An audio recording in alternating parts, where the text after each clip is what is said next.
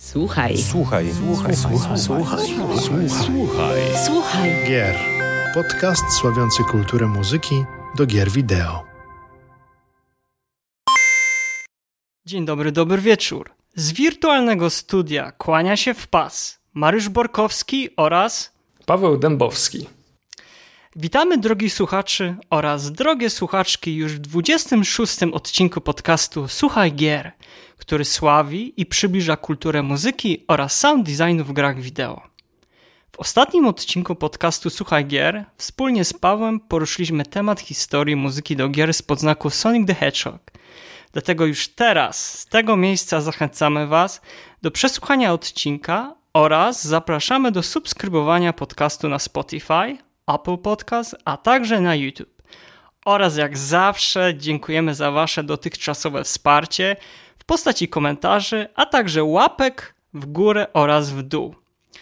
Dzisiaj w naszym wirtualnym studiu mamy dwóch znakomitych gości, person. A pierwszym jest Mateusz Gołąb, którego być może pamiętacie z naszego podcastu o muzyce do japońskich RPGów. Mateusz na co dzień jest e, propagatorem dobrych japońskich produkcji, nie tylko ze stani Nintendo. Cześć Mateuszu, miło, że znowu odwiedzasz nasze skromne progi. Cześć, cześć. Niesamowicie mi miło, że zostałem znowu przez Was zaproszony. Oj, naprawdę bardzo miło znowu Ciebie słyszeć i widzieć, a zawsze jakby Twoja wiedza i e, powiedzmy mm, to, że możemy Ciebie tutaj ugościć, to jest bardzo nam miło i myślę, że słuchacze też chyba to docenią. Zaś e, po drugiej stronie mikrofonu mam przyjemność po raz pierwszy w naszym podcaście e, przywitać Jędrzeja Szwedę e, z kanału Zagrajnik e, TV, który niczym Harry Potter na miotle przedstawia mu golom świat magii, gier wideo i nie tylko. Witaj Jędrzeju i dziękujemy, że przyjąłeś nasze zaproszenie. Dzień dobry, no mnie jest bardzo miło, że mnie zaprosiliście, więc e, mam nadzieję, że będzie ciekawa rozmowa. I trafnie z tym Harrym Potterem, bo jestem wielkim fanem, wielkim fanem Harry'ego Pottera, ale to poza dzisiejszym, poza dzisiejszą rozmową taki. Może, może kiedyś, właśnie, może kiedyś o tym Harry Potterze porozmawiamy, a szczególnie do gier, bo muzykę do tych gier między innymi Jeremy So kiedyś Tak, tak, pisał tak. muzykę. Tak więc myślę, że może kiedyś się nadarzy taka okazja. Panowie, w ogóle nagrywa, nagrywamy e, u progu kolejnego Nintendo Direct. Oczywiście dzisiaj nie będziemy wróżyć e, z fusów, bo sądzimy, że mamy e, arcyciekawy temat do przedyskutowania, ale, ale zanim jakby do, przejdziemy do tego mm, głównego dania, panowie, zawsze w naszym podcaście mamy taką tradycję, że zanim e, będziemy rozmawiać o tym jakby głównym temacie naszego podcastu, czy moglibyście w kilku słowach opowiedzieć, co ostatnio słuchaliście i pozwolę sobie od naszego pierwszego gościa zacząć. I Jędrzeju, co ostatnio na twoich, w twoich głośnikach, e, że tak powiem, grało? E, Dużo muzyki, nie tylko z gier, ale głównie jest to muzyka japońska. Ostatnio, mm, no, od dłuższego czasu mam taką e, maksymalną fascynację Japonią, więc e, sporo takich kawałków e, z takiego muzyki indie japońskiej, ale powiedzmy, że skoro jest tutaj, jest tutaj mm, podcast dotyczący gier komputerowych i muzyki w grach, to muszę wam powiedzieć, że ostatnio bardzo mi się spodobała e, muzyka z gry Shadowverse. To jest taka japońska karcianka, która jest takim japońską odpowiedzią na Hearthstone'a. E, I mam tak, że jak gram w jakąś grę dużo, to ta muzyka potem mi wchodzi do głowy, potem piszę recenzję, właśnie jestem w trakcie pisania recenzji tej gry i jak piszę recenzję, to zawsze puszczam sobie tę muzykę tak zapętloną, te kawałki i, i, to mnie tak napędza i pomaga mi pisać na temat tej gry i wchodzę jeszcze w klimat tej gry. Więc ostatnio, ostatnio grałem w Shadowversa i słuchałem dużo muzyki z Shadowversa. Nie, nie wiem, czy ktoś z was kojarzy tę grę w ogóle, ale jest naprawdę, e, są to fajne kompozycje. A tak, to z gier um, przyznawam, że mam tak, że bardzo często wracam do kawałków, które, które znam, bo, bo e, lubię je, bo je znam i cały czas u mnie krąży, niezależnie od tego jakby jakie nowe kawałki się pojawiają na playliście, to zawsze wraca muzyka z Danganronpy, e, której słucham codziennie, e, zawsze jakieś kilka kawałków, e, no i muzyka z gier Nintendo, na przykład z Mario, ale o tym będziemy dzisiaj gadać. Tak. Zdarza nam się, że też jakby rozmawiamy o albumach, które niekoniecznie są powiązane e, z grami, tak więc jeżeli nie wiem, coś ostatnio poza, że tak powiem, światem elektronicznej rozrywki a, ciebie zainteresowało, zaintrygowało, to proszę podziel się z, na, z nami, z naszymi słuchaczami, słuchaczkami, może jakimś albumem, który faktycznie wbił się e, i wywiercił e, w twoją czaszkę. Jest taki zespół e, japoński, nazywa się Nersy Toki. Nie wiem, czy to jest jakoś szczególnie znany. E, który. To jest taka muzyka indie. Ciężko ją określić. To jest taki, taki lekki rock. Mm, właśnie niezależny, ale tym, co cechuje te, e, ten, ten zespół, jest to, że każdy ich utwór jest taki maksymalnie pogodny i trochę szalony. I e, no, ostatnio z takich właśnie moich nowych odkryć, znaczy to nie jest takie nawet nowe odkrycie, ale mam takie fazy, że wracam. Właśnie Nersy Toki z tych japońskich kawałków słucham najczęściej. Ale też, mm, to już może bardziej znane, to z kolei anime. Mm, często wracam też do soundtracku z filmu Kimi no Nawa mm, szczególnie do kawałków, które napisał zespół e, Roadwimps na e, właśnie, właśnie, zresztą większość tego, większość tej muzyki napisał, napisał ten zespół do tego i do tych kawałków też często wracam i ostatnio też ich słucham. Ojej, super, super. Dzisiaj coś czuję, że ten wór e, będzie pełny muzyki dobrej. Mateuszu, a co tam u ciebie się kręciło na krążku? E, u mnie ta relacja z muzyką ostatnio jest bardzo skomplikowana. Gdzieś tam miesza się ta muzyka growa z niegrową. E, gdzieś tam mam trochę więcej czasu. Ułożyłem się ze swoim, ze swoim nowym potomkiem troszeczkę, więc zacząłem znajdować więcej czasu. Wróciłem do grania na, e, na instrumentach, troszeczkę sobie komponuję. I gdzieś tam wbrew mojej miłości do reggae wychodzi mi muzyka mocno gitarowa, bardziej ciężka. I gdzieś tam pojawił po, po ograniu No More Heroes 2, które w porównaniu, w, w, w odróżnieniu od jedynki miało muzykę robioną, nie pamiętam czy w całości, ale przynajmniej w dużej mierze przez Akirę Yamaokę, e, więc miała takie fajne, brudne, gitarowe brzmienie.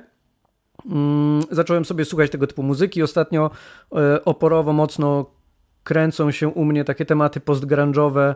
E, zwłaszcza wróciłem do takiego mocno licealnego dla mnie zespołu Caesar, więc tutaj już wracając do Twojego tematu polecajek, e, bardzo z dużą przyjemnością wszystkim polecam ich ostatni album z 2020 roku, e, CV z patchem Parabellum, który tam miesza nie tylko post-grunge, ale trochę takiej e, eksperymentalnej gitarowej muzyki, ale stricte brudnej gitarowej.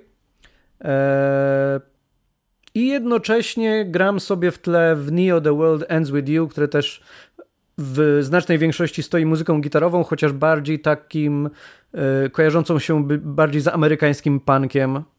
E, więc ostatnio mocno e, moja muzyka, która mnie otacza, mocno odstaje od takiego codziennego mojego klimatu, ale za to owocuje wieloma ciekawymi inspiracjami. Super, naprawdę zacnie to brzmi. Dzięki Mateusz. A Pawle, a co, a co tam u ciebie było słychać? No ja się trochę przeraziłem, jak słucham naszych gości, bo większość e, muzyki, której powiedzieliście, no jest zbieżna z tym, co ja obecnie słucham.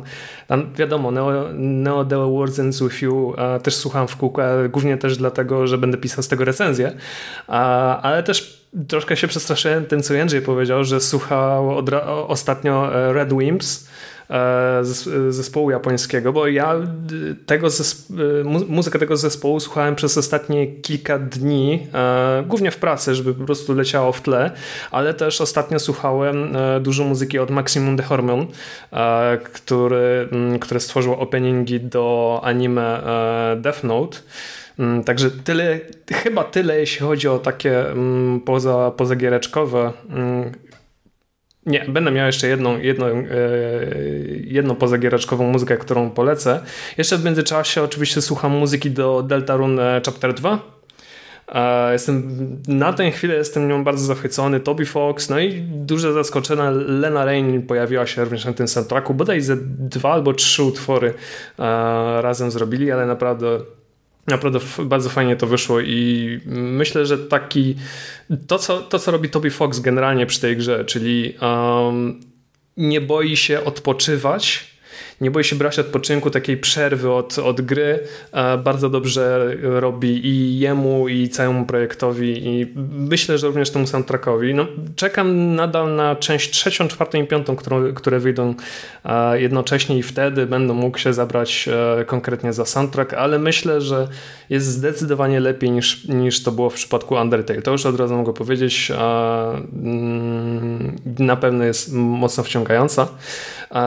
Jeśli chodzi o takie pozagiereczkowe e, rzeczy, ostatnio na, e, okay, na, band, na Bandcampie jest taki e, program radiowy w cudzysłowie, nazywa się Bandcamp Daily, gdzie prowadzący prowadzi mm, rozmowy z różnego rodzaju kompozytorami, muzykami, piosenkarzami i tak.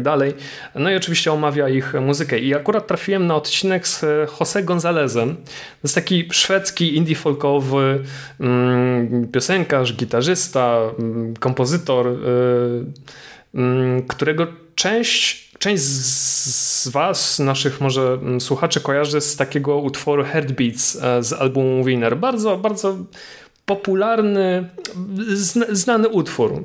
Ujmę tak, gdybym, ją, e, gdybym go teraz puścił, to myślę, że ludzie schaczyliby, mm, skojarzyliby i osobę, i utwór na spokojnie. Generalnie Jose Gonzalez jest e, popularnym, wziętym muzykiem. Jego utwory można było usłyszeć w serialach takich jak Doctor House, e, nawet Chorzy Doktorzy e, i jeden utwór dało się usłyszeć również w mm, Red Dead Redemption, Far Away, jeśli dobrze pamiętam.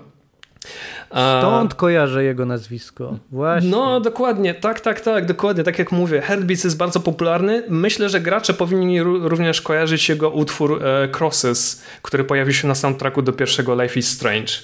Um, ten... Um, ten album Winner, o którym wspomniałem, to jest jakiś, może chciałem powiedzieć starość, ale e, no, taka jest prawda. Mm, został chyba wydany w grudniu 2006 roku. E, no ale cóż, jak podczas tego wywiadu zagrali go w tle, no to nie mogłem, nie mogłem się nie oprzeć, nie, nie posłuchać ponownie tego albumu. Także ten album na pewno polecam, The Winner, ale też polecam jego nowszy album, e, Local Valley. E, tutaj Jose Gonzalez jest znany z tego, że gra oczywiście na gitarze, gra takie bardzo spokojne, takie mm, balansujące na granicy takiej ballady i takiej, no nie wiem jak to powiedzieć, takiego właśnie indie, indie folku. To są takie utwory, które po prostu sobie puszczacie e, jakiś wolny, e, wolną sobotę, wolną niedzielę, kiedy za oknem pada deszcz i chce się zrelaksować. To jest właśnie taki typ muzyki. Local Valley dodaje nieco mm, tropikalnych rytmów, ale też naprawdę mm, robi swoją robotę. Także Jose Gonzalez, ja polecam całą jego dyskografię. Nie jest ona za duża, bo on e, wypuszcza głównie jakieś single albo jakieś pojedyncze utwory, mm, a takie duże albumy, no to jest, to jest bardzo duża rzadkość. Ale jak, e, jak wypuszcza, to nie ma bata we wsi e, i, i, i trzeba tego posłuchać. Jeszcze jedną krótką rzecz zrobię. Skorzystam z tego, że Mateusz jest no i oczywiście Mariusz. Nie wiem jak Jędrzej u ciebie z JRPG-ami, ale trafiłem przez przypadek na e, album zatytułowany Metagroove od J-Music Ensemble. I to jest, słuchajcie, e, są tam zawarte utwory z gry Persona 5, zaaranżowane A, na e, tak, jazzowe, jazzowe kawałki. Mhm fantastycznie zagrane. Mi się to bardzo podoba. No to totalnie mi no wyślij, wyślij mi nazwę tego, tego albumu. Natomiast ja w tym, w tym klimacie, co mówisz, nie wiem, czy znasz, musisz sprawdzić Gentle Love. Taki, znam, znam. Fantastycznie. To może nasi słuchacze nie znają. To jest taki fantastyczny duet, który e, przearanżowuje muzykę z różnych gier na. E, zazwyczaj jest to fortepian i saksofon, i wychodzi z tego. A wiesz, kto na saksofonie gra, Mateusz?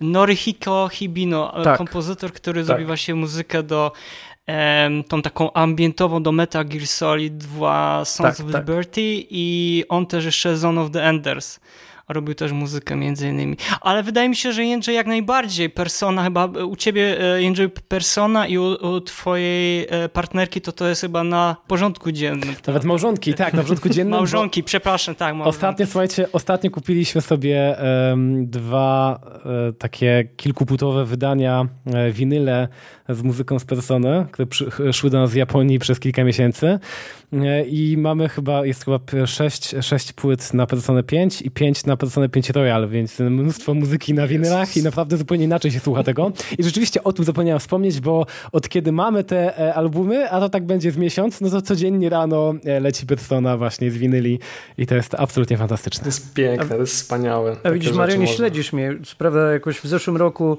w pandemii wrzucałem, e, jak gram Beneath the Mask na basie, na Twittera z nudów pandemicznych. No, super. Że pandemia, pandemia rozwija kreatywność. Czeka mnie jeszcze przesłuchanie soundtracku do Eastward, ale to już w momencie, kiedy zdobędę w końcu grę i w nią pogram. Także tyle ode mnie. No to panowie, mi ołówek płonie od zapisywania tych waszych polecajek i mam nadzieję, że na, e, naszym słuchaczom i słuchaczkom e, przypadną do gustu te nasze polecenia. Ja to jeszcze podsumuję swoimi a, dwoma albumami, które miałem okazję między innymi przesłuchać, bo tych płyt było wiele więcej.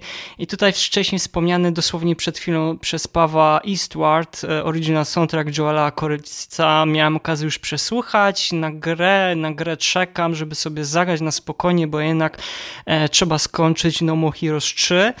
A, tak więc soundtrack do Eastward jest wszystkim, chyba tak sądzę, tym za co kochamy muzykę do gier wideo, czyli nostalgia miesza się e, z dźwiękami retro chiptune, przepełnione takimi dynamicznymi kawałkami, których nie, nie postydziliby się nawet E, artyści z Daft Punk, zaś sama gra to pocztówka, tak sądzę, chyba z wakacji dla sympatyków retro gier e, z podznaku The Legend of Zelda. Tak więc podsumowując, e, sądzę, że jeżeli podobała się wam muzyka do Feza, a melodie ze Stranger Things nie są wam obce, to koniecznie przesłuchajcie ten soundtrack do gry Eastward. Z kolei niegrowy album Japanese Breakfast, album Jubilee i Michelle Zau Która jest założycielką mm, tego zespołu, znana głównie pod pseudonimem e, Japanese Breakfast, po wielu perypetiach życiowych no, opublikowała swój trzeci long play, no i na którym naprawdę słyszymy sporo syntetycznych e, dźwięków utrzymanych w stylistyce pop, e, która miesza się z latami 80, z dźwiękami lat 80. No i jest przez to ta jakby nostalgia i te rytmiczne energie energiczne rytmy mieszają się ze sobą i porywają nas do wielokrotnego słuchania albumu.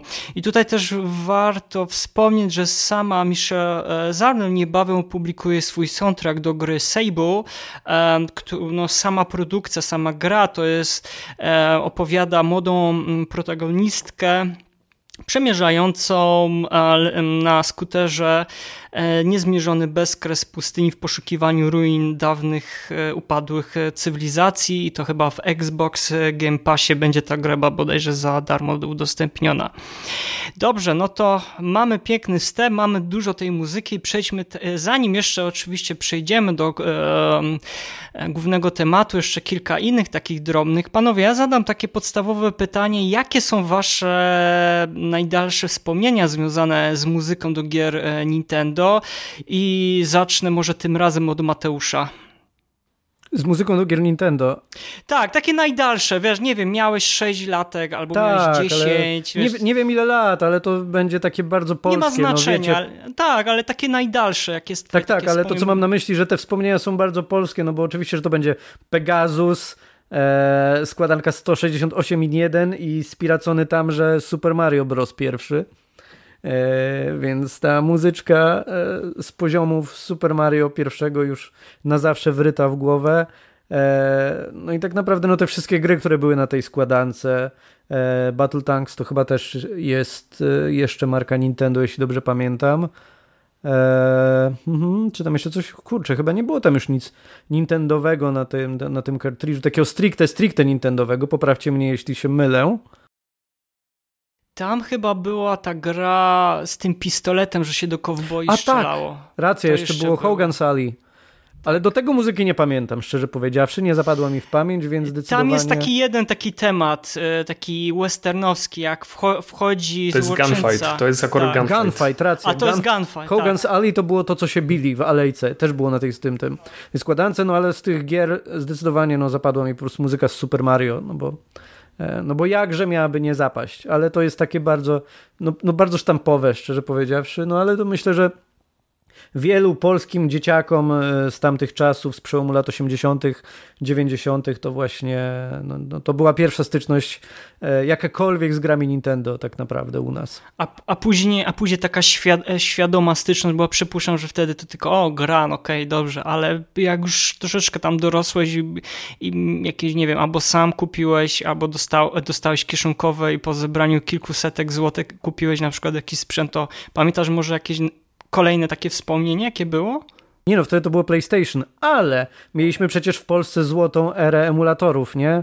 E, więc na emulatorach ogrywałem e, wszystkie e, Link to the Past jeszcze swego czasu.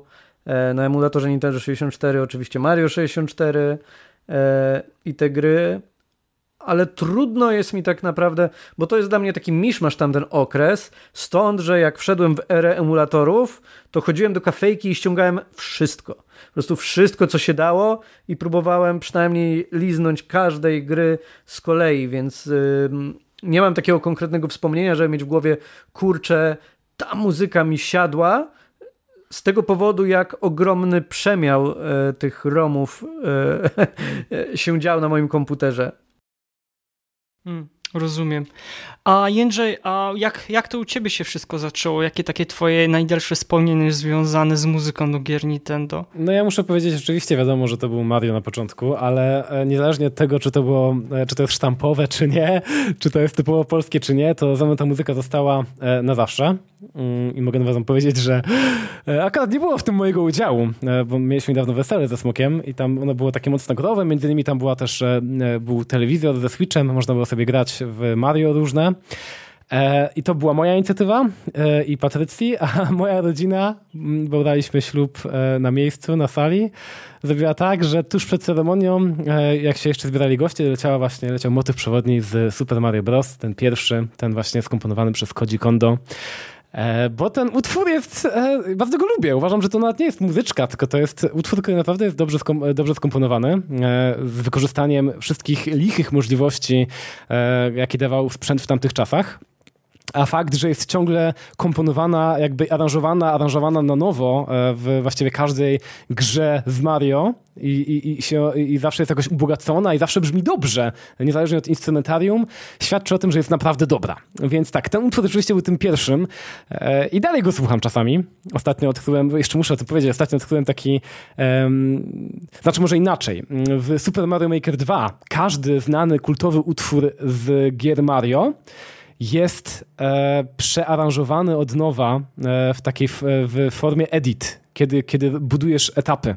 I te utwory wtedy są, na przykład ten utwór z Mario wtedy jest przedrobiony taki takie spokojne, jakby leciutko jazzowe plumkanie. Ma zupełnie inny charakter wtedy ten utwór niż oryginalnie i dalej brzmi świetnie. To jest ciągle ten sam utwór, ale jest przearanżowany, więc dla mnie ten utwór to jest nie, niewyczerpany potencjał i jest to po prostu e, absolutnie genialny kawałek. Uwielbiam go. Ale powiedzmy, że z takich utworów, które już świadomie, e, ba, nieco bardziej świadomie poznałem, E, i mniej znanych utworów e, do gier Nintendo. Też gra z Mario, natomiast e, skomponowana przez takiego kompozytora, który jest mniej kojarzony z grami z Mario, bo on tak naprawdę poza tym tytułem, to była w ogóle jego trzecia gra, do której skomponował, to on potem już nie robił za dużo z Mario kompozycji.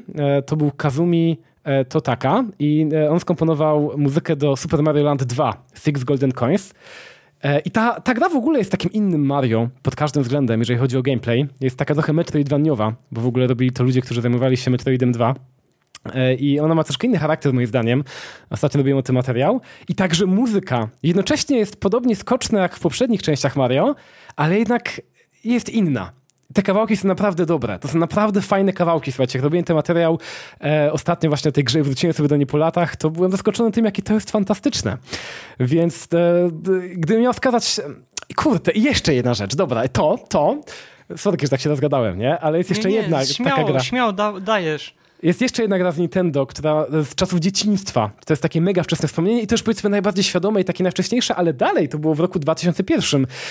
Soundtrack do gry Advance Wars na Game Boy Advance. Uważam, że jest absolutnie genialny. Tam każda postać miała swój soundtrack. To, to było takie do, do półtorej minuty, chyba góra do dwóch się zapętlał. Um, I tam na przykład Andy Team, mo motyw Andiego, motyw Sami, motyw Maxa, motyw Grita. Właściwie nie było postaci, która miała zły e, Kanebiego, Sony. Każda postać tam miała ten swój krótki kawałek, um, który wyciskał wszystkie poty z tego malutkiego e, Game Boy Advance, bo to, tam były jakieś gitarki, tam były jakieś saksofony. Wiecie, to wszystko było e, to wszystko jakby było emulowane przez, przez, ten, przez tę malutką e, kartę dźwiękową tego, tego Game Boy Advance. Brzmiało świetnie. Te kawałki się w ogóle nie nudziły. Ja przy tej grze spędziłem setki godzin, bo to była taka gra naprawdę, e, przy której można było siedzieć godzinami hen hen. Zresztą do dzisiaj w nią gram. Niedługo wyjdzie remake. E, bardzo go wszystkim polecam sobie zapisać w kalendarzu ten remake, bo w tym roku wyjdzie. I te kawałki tam już słyszałem, że brzmią fajnie, przearanżowane na dzisiejsze czasy, ale dalej jakby z tym samym klimatem. w każdym razie te kawałki się nie nudziły. Te gry grały się godzinami, a one były tak dobre i do dzisiaj jak słyszę motyw Endiego, to jest takie, o kurde, jak słyszę, a jak jeszcze, jeżeli ktoś mi powie, że, że, że, że też lubi te kawałki, to już mówię, a, człowiek kultury zasłuchiwał się 20 lat temu w takiej muzyce, nie?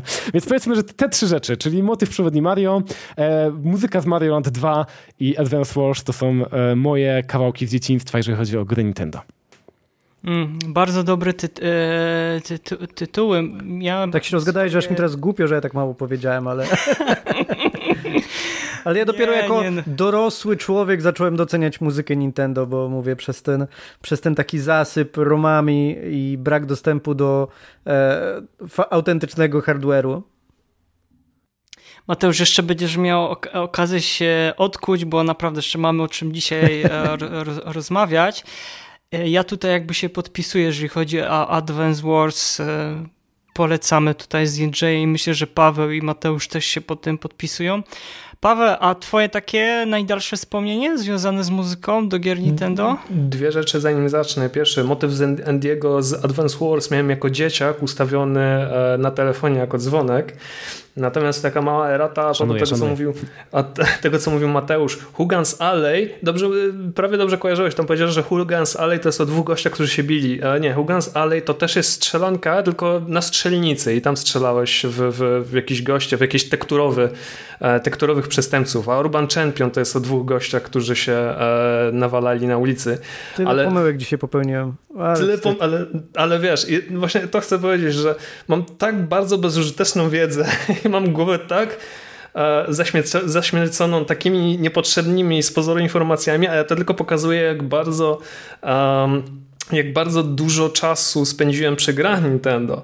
Takie moje najdalsze, najdalsze chyba najmniejsze wspomnienie było wtedy, kiedy e, mieli, kiedy nagle pojawił się w domu Pegasus. Oczywiście, jasna sprawa. To było chyba jakoś święta albo w okolicach świąt. I pamiętam, że z bratem graliśmy razem w kontrę. No i oczywiście motyw dżungli, wiadomo, y, wszyscy, wszyscy chyba potrafimy y, zaśpiewać z pamięci motyw y, dżungli z kontry. Mm, oczywiście pojawił się Mario, pojawiła się również ta składanka 168 gier w jednym i stamtąd również pamiętam mnóstwo gier, ale też pamiętam E, mnóstwo takich tytułów, przy których Nintendo raczej nie pracowało, głównie Capcom, e, Taiko i, i, i inne firmy. Mam tu na myśli takie mm, tytuły jak Mega Man, e, DuckTales na przykład, Darkwing Duck. Czy tu oszukujesz, jest tego dużo. miało być o Nintendo. Gra Capcomu to ja mógłbym wspomnie wspomnienia opowiadać. Miało być Ale fakt, Nintendo. Miała być stricte Nintendo, ale fakt faktem. ale fakt faktem. U mnie głównie, jeśli chodzi o takie gry typowo Nintendo, no to przede wszystkim był Mario. Bo jeśli chodzi o takie typowe mm, tytuły, tytuły od Nintendo, no to co, Duck, Duck Hunt, ten motyw, który pojawił się na samym początku, kiedy e, piesek oczywiście szukał kaczek. E, Mario, co tam jeszcze, może Tetris, może stamtąd, e, stamtąd ta muzyka, która leciała podczas układania klocków. No także, tak jak mówię, te czasy Pegasusowe to jest tak naprawdę słuchanie, e, słuchanie, granie w gry, które nie pochodziły stricte od Nintendo, ale stamtąd e, słuchałem dużo muzyki. No i oczywiście robiłem tę składankę mixtape'ową na e, kasecie magnetofonowej. Oczywiście pod warunkiem, że cartridge nie wysiadł w pewnym momencie i się nie zgliczował i wszystko, i wszystko działało tak jak trzeba. Mm, takie jeszcze troszkę późniejsze moje wspomnienie z muzyką, no to był Super Mario Land na Game Boya, którego kolega zabrał kiedyś na, e, na obóz. No i wiadomo, zamiast chodzić, e, chodzić po lesie, zbierać grzyby i bawić się z dzieciakami, no to my graliśmy w Super Mario Land, no bo co mieliśmy innego robić. Także no, tak, wyglądały te, tak wyglądały te początki, te moje takie e, najwcześniejsze wspomnienia, jeśli chodzi o gry związane stricto z Nintendo. Może jeszcze Pokémony na, mm, na Game Boy Color oczywiście, ale to już jest taka troszkę dalsza historia.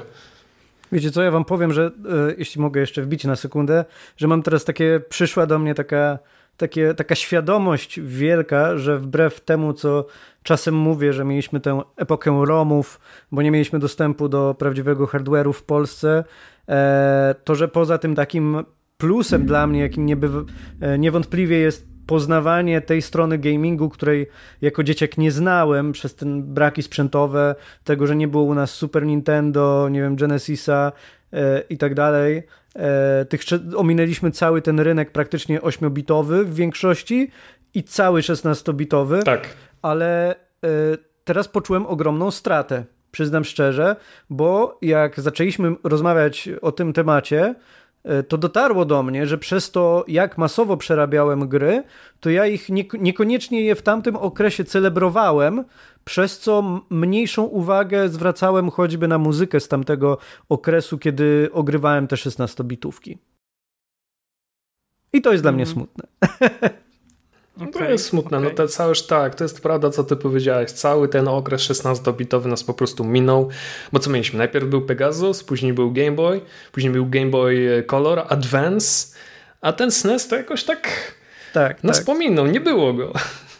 Bo teraz jak pomyślę, że właśnie gram chociażby w Neo The World Ends With You i ta muzyka jest dla mnie ważnym elementem gry, a wtedy się żonglowa żonglowałem tymi romami, żeby poznawać, poznawać, poznawać, przez co część rzeczy zupełnie gdzieś tam e, część tego dzieła, jakim jest gra, gdzieś tam spływała po mnie gdzieś tam z boku. Robiłeś, robiłeś po prostu to, co ja robiłem jeszcze kilka lat temu. Po prostu ogrywałem tyle gier, żeby po prostu zdążyć, nadążyć tak, ze wszystkimi. Tak, tak.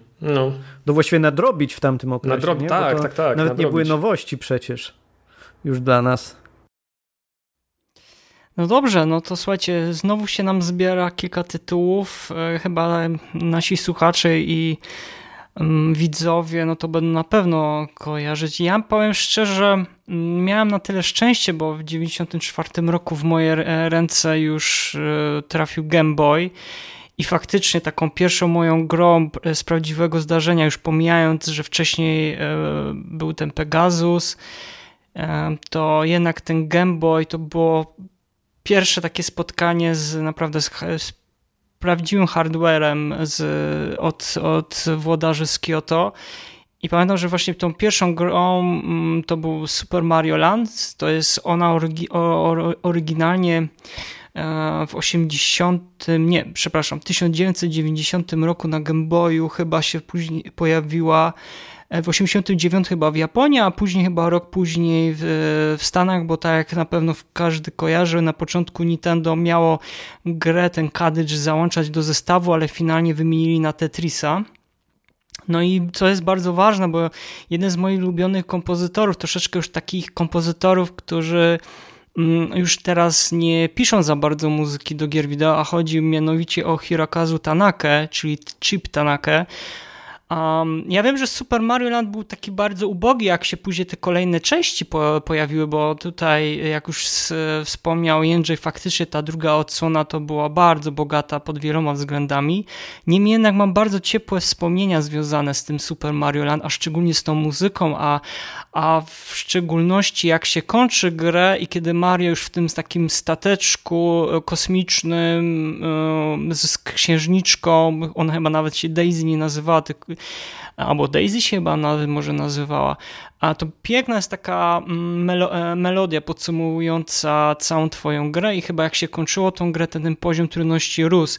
No i w ogóle też war warto wspomnieć, że Chip Tanaka czyli Hirokazu Tanaka miał bardzo ważny wpływ na, na Game Boya, ponieważ on był współtwórcą całej tej właśnie płyty, e, płyty dźwiękowej, a zresztą mm, on jest bardzo znany ze swoich takich produkcji dla Nintendo jak Space Fear Beard, Donkey Kong, e, całe też uniwersum Mario, Mario oraz Tetrisa, czy Kid Icarus, e, Mother i przez Paweł ulubiona mm, odsłona gier Earthbound. No i co najważniejsze, do pierwszego pierwszego Metroida skomponował mm, muzykę, która później z czasem była mm, taką inspiracją dla innych e, kompozytorów i między innymi też brał udział przy ścieżce dźwiękowej do Pokémonów. I dla mnie to jest takie bardzo ciepłe mm, wspomnienie tej gry Super, Super Mario Land, szczególnie właśnie pod względem muzy muzyki. Ja tu troszeczkę, troszeczkę złamię regułę, bo miało być szczególnie o samych grach tworzonych przez Nintendo, ale tak szukałem sobie to najbardziej takie dwie, dwie, gry, które mam, bardzo mi utknęły w pamięci. To jest gra też na Game Boya, no bo bardzo się dużo zagrywam na, na, na Game Boyu. A niestety ta jakby era Game Boy Advance'a mnie ominęła, aż strasznie żałuję i tam tylko dopiero po długim okresie, po jakimś chyba na Nintendo DS-a dopiero miałem okazję, żeby e, nadrobić e, zaległości, ale takim ciepłym wspomnieniem, jeżeli chodzi o muzykę mm, do, z gier Nintendo i jeżeli chodzi o Game Boya, no to jest Gradius, czyli Nemesis, pierwsza odsłona na, na Game Boya z muzyką Hitoshiego Sakimoto, czyli kompozytora, który przecież zrobił muzykę innymi do Final Fantasy Tactics, e, Wagon Story, czy, e, czy wielokrotnie nagrodzona, nagradzana ścieżka dźwiękowa do Final Fantasy XII. E, tak więc też mam bardzo ciepłe wspomnienie z tą, z tą grą i a szczególnie z tą muzyką. A na samym końcu to chyba wszyscy chyba, chyba jesteśmy zgodni, że muzyka do DuckTalesów a kompozytora Hiroshigi e, Tanamury no jest przegenialna, szczególnie ten temat e, Moon Stage, który jest chyba był wielokrotnie przerabiany nawet e, w odświeżonej wersji przez Jake'a Kaufmana. Został na nowo postawiony ten kawałek, no to chyba to jest jedna z najbardziej popularnych melodii z gier, które pojawiały się na konsolach, konsoli Nintendo, bo wiemy, że jeszcze sama gra pojawiła się wcześniej na NESie w 89, a później, później gra się pojawiła e, na, na Game Boyu. I też strasznie żałuję, że z tych starych e, gier na przykład nie ma takich już tych oficjalnych ścieżek dźwiękowych, a zabawne jest, zabawna sytuacja jest taka, że w Japonii, kiedy jeszcze płyty winylowe były bardzo na, na czasie i było dużo wytwórni, które je jakby tłoczyły, to tłoczyli też e, muzykę do gier na płytach win, winylowych i na kasetach magnetofonowych. Teraz jest e, Teraz chyba od dwóch, trzech lat jest boom na kasety magnetofonowe, szczególnie w Kanadzie. Mm, w Polsce już powoli też rośnie e, ta popularyzacja znowu te, e, tym nośnikiem. Natomiast płyty winylowe, jak wszyscy dobrze wiemy, to już jest 6-7 e, lat trwa taka już porządna, mm, powiedzmy, popularność tego nośnika, a szczególnie wśród fanów muzyki do gier wideo. Tak więc na tyle e, z mojej strony, jeżeli chodzi o takie ciepłe wspomnienia związane, takie najdalsze wspomnienia związane z muzyką do gier Nintendo i nie tylko. E, panowie, kolejne pytanie. I tu jest takie już e, jakieś bezpośrednie, tak mi się wydaje.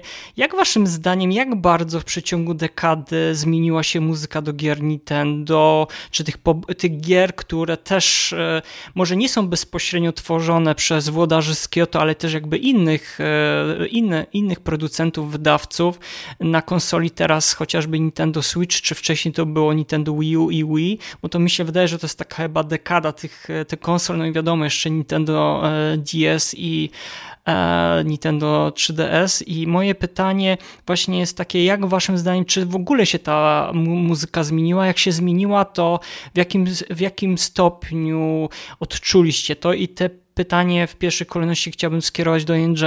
Czy masz jakieś przemyślenia na ten temat? Zastanawiałeś się może, NJ? To pytanie jest trudne. Myślałem sobie o nim wcześniej, jak już e, przygotowywaliśmy ten podcast.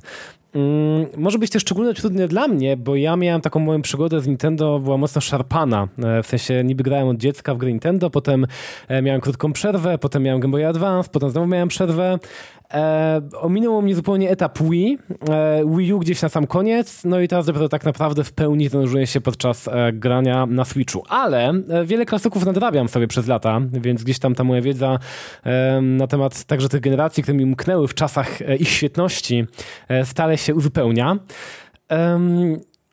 Nie wiem, czy byłbym w stanie wskazać jakiś taki ogólny trend w zmianie muzyki, ale mam takie poczucie, że... Mm, No ale na przykładzie mogę podać na przykład e, New Super Mario pierwszego na DS-a, a potem e, New Super e, Mario U które teraz było od no, jakiś czas temu, już kilka lat temu odnowione na Switcha. Ale myślę, że ten, ten trend jest widoczny też przy innych tytułach, że ta muzyka staje się taka bardziej dostojna, mam wrażenie, jeżeli chodzi o instrumentarium i o aranżację. W sensie te same kawałki, albo podobnie brzmiące kawałki są dużo częściej nagrywane przez mm, orkiestrę Oczywiście te, te, to już kiedyś się zdarzało, chociaż powiedzmy, że w tych takich najbardziej antycznych czasach 16-bitowych, 8-bitowych to po prostu nie było możliwe, rzecz jasna, tak? E, potem były takie pojedyncze gry, jak na przykład Mario Galaxy, które miało cały soundtrack orkiestrowy e, i to było super, ale mam wrażenie, że dopiero teraz praktycznie każda nowa gra, mm, taka duża gra Nintendo e, ma tę muzykę taką dużo bardziej dostojną, można powiedzieć. Mm, także gdyby ktoś nie wiedział, że to jest na przykład gra z Mario albo z Mario Kart, to mógłby się zastanawiać na ślepo zupełnie, że może to kawałek z jakiegoś dobrego, e, patetycznego JRPGa jest. E, I to na przykład e, motyw przewodni z mm, ostatniego Smasha.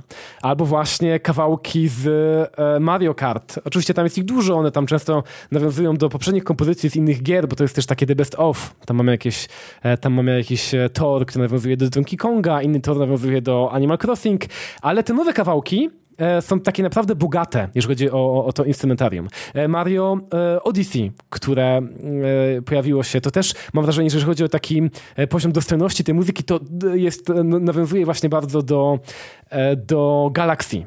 Też są te kawałki naprawdę dobre, często do nich wracam i są no naprawdę takie już du dużo mniej arcade'owe, dużo mniej arcade'owe, bo do, do, dzisiaj jest takie przekonanie, że te, te, muzyczki z Mario to właśnie takie muzyczki, nie? To nie utwory, to nie muzyka, tylko takie muzyczki, kawałki jakieś. A tu się okazuje, że to są naprawdę bardzo, bardzo fajne e, utwory.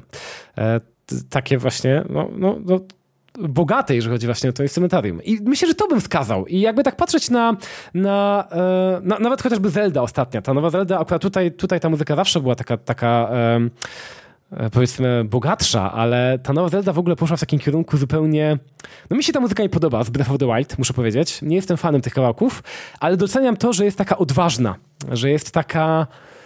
No właśnie, no, no znowu taka dostojna. Te kawałki są takie nieoczywiste. Tam brakuje takiej jasnej e, linii melodycznej. Mm, często jest jakieś takie e, atonalne plumkanie w klawisze. To jest takie odważne, nie? Więc myślę, że taki bym wskazał trend, że ta muzyka staje się coraz bardziej dostojna, że te, te aranżacje stają się coraz głębsze, coraz pełniejsze, e, więcej tam instrumentów e, i więcej, więcej mm, ścieżek i takiego właśnie ogólnego bogactwa. To tak mi się wydaje. To jest taka moja różna uwaga, ale jak mówię, no nie jestem specjalistą, jeżeli chodzi o takie... E, pewne generacje mnie ominęły, nie? Ale to jest taka moja uwaga na ten temat. Mhm, okej. Okay. Mateusz, a jakie ty masz przemyślenia na ten temat? Ja najpierw zacznę od tego, że czuję się oszukany, że mówiłeś o DuckTalesach. Przepraszam, ale Bo tak to mógłbym opowiadać o muzyce z Darkwing Duck, a, a, która jest jedną z moich ulubionych z tamtego się, okresu. usprawiedliwiam się, że powiedziałem za nas wszystkich, że wszyscy potwierdzają na pewno, że DuckTales i Moon Team to to jest mistrzostwo świata, jeżeli chodzi o muzykę. Tak więc okej. Okay. E, jeśli chodzi o... Hmm, to jest ciekawe, bo ja uważam z drugiej strony, że ta muzyka niekoniecznie się zmieniła, bo muzyka w starych 8 i 16 bitowych grach, zwłaszcza w tych od Nintendo, e, zawsze miała taki rozmach instrumentalny mocno. Też gry nie Nintendo, no chociażby Castlevania i te soundtracki, które nawet w MIDI brzmią totalnie, aż chciałoby się smyczki złapać e, i zagrać to na e, orkiestrę symfoniczną. Wydaje mi się, że rozwój technologiczny pozwolił po prostu tym soundtrackom nieco bardziej wybrzmieć. E, dokładnie tak, jak e, słyszeli to w głowach ci kompozytorzy. Bo tak naprawdę pod względem konstrukcyjnym ta muzyka jest bardzo podobna.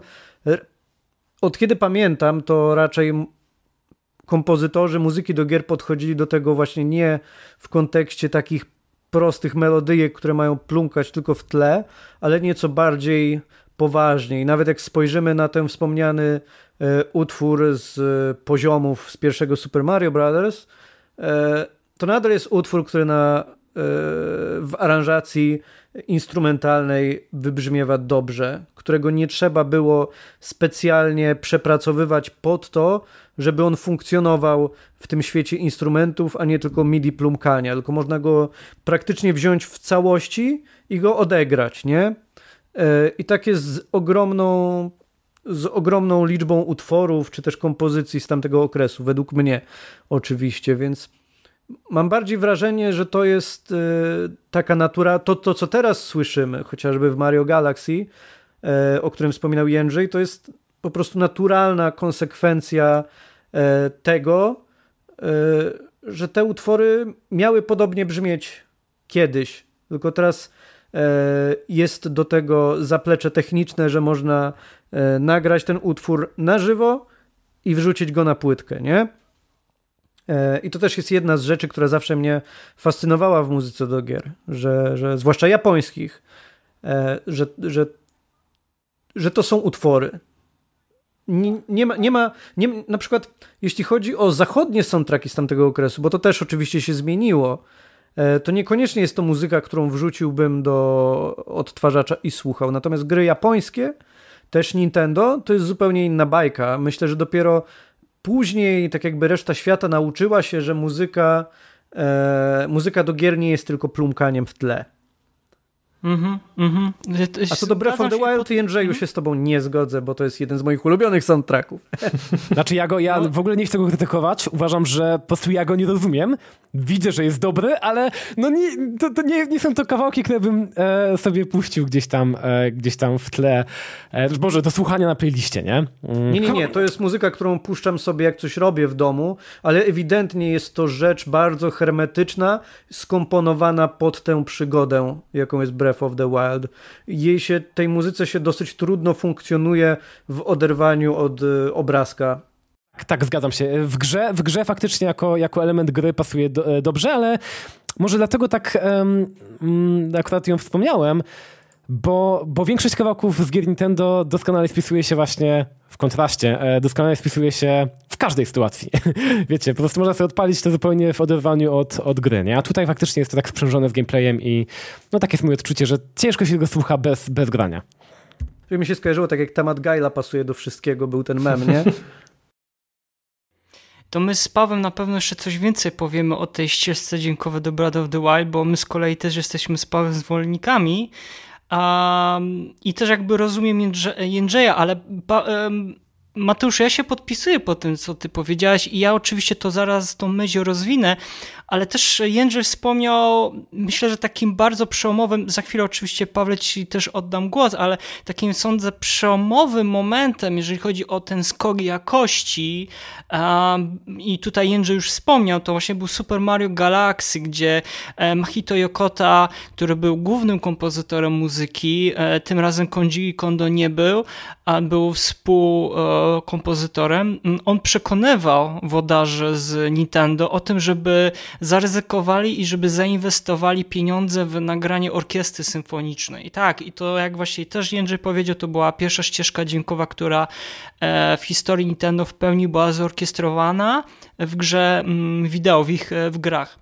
Ale okej, okay, to ja może trochę więcej jeszcze o tym powiem, co już tutaj e, super, że Jędrzej dodał i Mateusz. Pawle, a ty jak byś rozwinął tą myśl, jeżeli chodzi o ten e, rozwój w przeciągu tej dekady? Bardzo podobało mi się to, co Mateusz powiedział, że japońscy kompozytorzy muzyki do gier mają to do siebie, że rzeczywiście jeśli coś tworzą, tworzą muzykę, to ona naprawdę ona ma brzmieć. To nie ma być coś, co ma po prostu sobie gdzieś tam, jak to napisał ktoś w CD Action, plumkać sobie w tle, ale ma naprawdę brzmieć. Ma to być melodia taką, którą po prostu zapamiętasz do końca życia.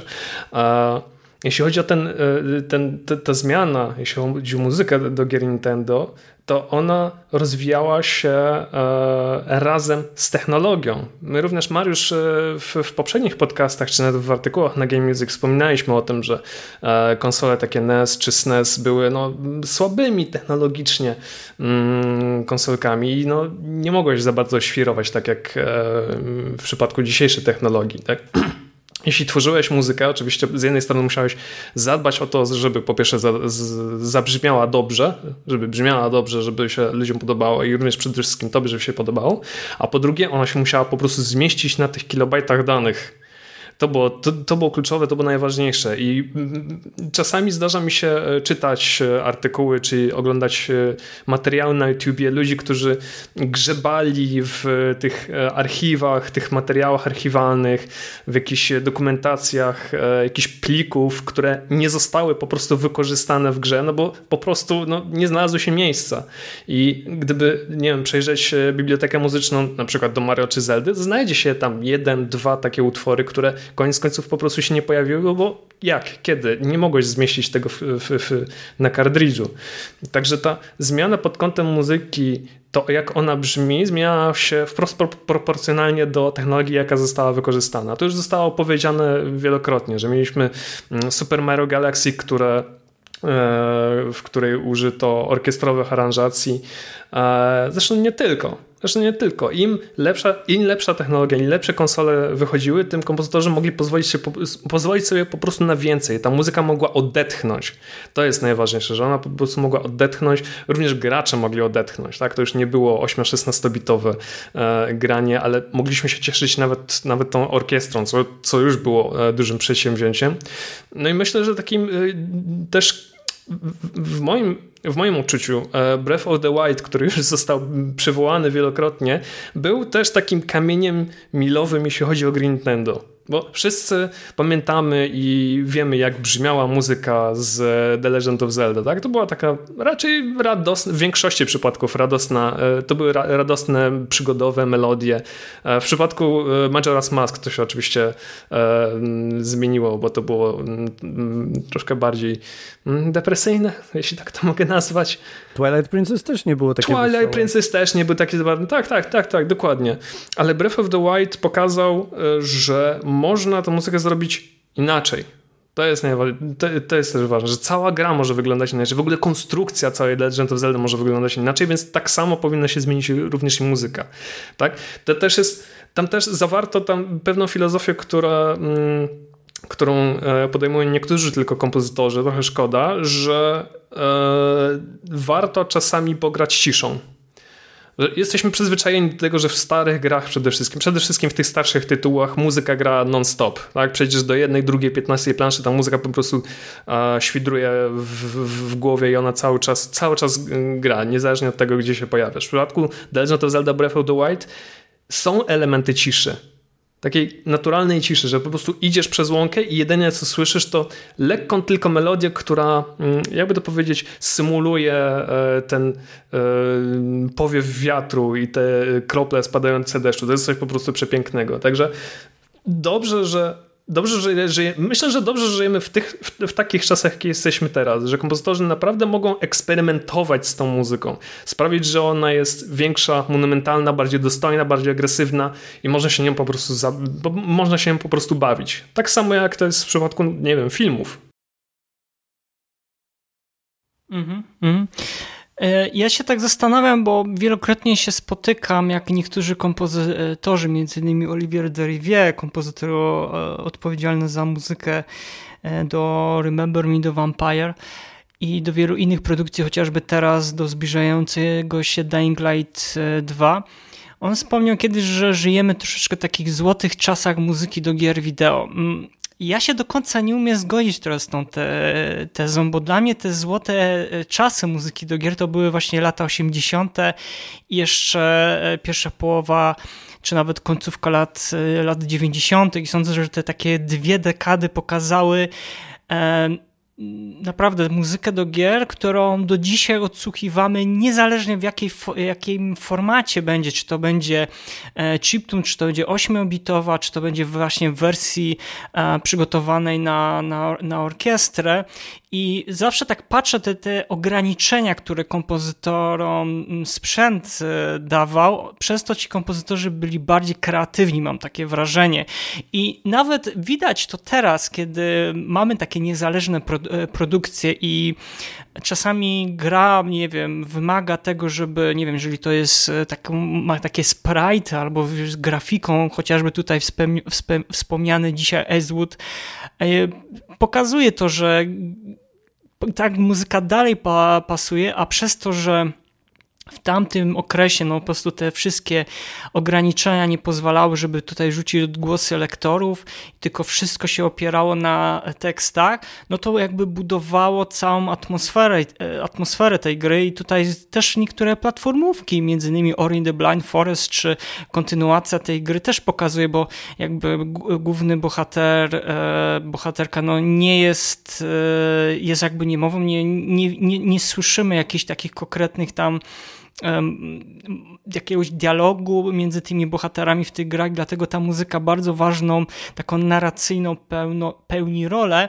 I też tutaj wspomniany wielokrotnie ten Breath of the Wild, dokładnie te ambienty y, wszystko się zgadza, muzyka się kompletnie zgadza w, e, w grze i tak samo to widać, że tu są inspiracje troszeczkę czerpane zachodem, a jeżeli po, troszeczkę popatrzymy na tą ostatnią odsłonę Breath of the Wild i też Jędrzej po części ma rację, że e, osobom, które bardzo znają, kojarzą muzykę do gier Zelda, chociażby Skyward Sword, gdzie niezależnie gdzie się, w jakiej lokacji wyląduje, to słyszymy te popularne te, tematy. Niemniej jednak te Breath of the Wild miał kompletnie troszeczkę o 180 stopni e, zmienić e, poczucie tego, jak ta muzyka będzie spełniała swoją rolę i ona troszeczkę też inaczej, e, inaczej się jej trochę słucha na ścieżkach, e, na ścieżce dźwiękowej i też Mateusz ma z kolei rację, że ona bardzo dobrze wtapia się w tło, czyli puszczamy ją sobie w tle, leci,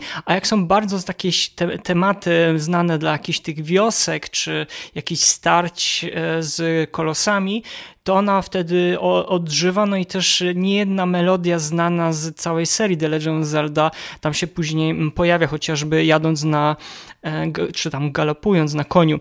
Ja, jeżeli chodzi o to całe te dziesięciolecie, to jak te Nintendo zmieni, zmieniło się, to to na pewno już wszyscy jesteśmy zgodni co do tego, że zmieniło się bardziej pod względem tego sprzętu, że kompozytorom umożliwiło to wprowadzenie nowych e, technik, natomiast jakby ta myśl przewodnia, od, o, która zawsze stała za produkcjami e, Nintendo, ona się praktycznie nie zmieniła. I w moim przekonaniu e, ewidentnie to słuchać też wspomnianym tu wielokrotnie Super Mario Odyssey. Mamy tą orkiestrę, mamy takie mm, nawiązania troszeczkę do starszych e, Marianów. A kolejną pozycją uważam, że jest Splatoon, obie, obie odsłony. To jest kompletnie kuriozalny tytuł, e, jeżeli chodzi o samą rozgrywkę i też jeżeli chodzi o samą muzykę. To jest właśnie pokazane, pokazanie tej kwintesencji, tej japońskości e, w muzyce, taki troszeczkę J-pop, grunge, po prostu wymieszane e, i wymietolone różne, wymietolone różne gatunki muzyczne, jeżeli chodzi o Splatoona. No i też ten cały Breath of the Wild. Ja sądzę, że to są takie trzy pozycje, które mm, pokazały, i mimo tego, że to najzabawniejsze to są trzy pozycje, które się pojawiły na Nintendo e, Switch, czyli to pokazuje też ta konsola, że ona jest taką a powiedzmy biblioteką właśnie tych zbiorczą tych wszystkich tytułów, bo wiemy, że są odświeżane niektóre gry bardziej lub też mniej i ona właśnie też pokazuje jak e, gry na, na tą konsolę czy na konsolę Nintendo zmieniały się pod kątem muzyki. Tak więc sądzę, że jeżeli jeszcze nie macie Switcha albo planujecie, to tutaj chyba wszyscy zachęcamy, bo każdy z nas posiada, sądzę w kolekcji jak najbardziej. E, jak najbardziej jakby polecamy, żeby się zapoznać z tą konsolą, a szczególnie z ścieżkami dźwiękowymi do tych tytułów. E, dobrze, no to słuchajcie, podstawowe, najważniejsze pytanie dzisiejszego e, takiego podcastu. Przechodzimy do tego głównego dania. Ja zacznę pytaniem do Jędrzeja. Jędrzeju, powiedz mi, dlaczego Nintendo nie publikuje swoich soundtracków? Hmm, powiedziałbym oczywiście, że nie wiem, bo w sumie nie wiem, ale się domyślam. A nawet nie tyle się domyślam, co mam jakieś tam swoje zdanie na ten temat. Hmm.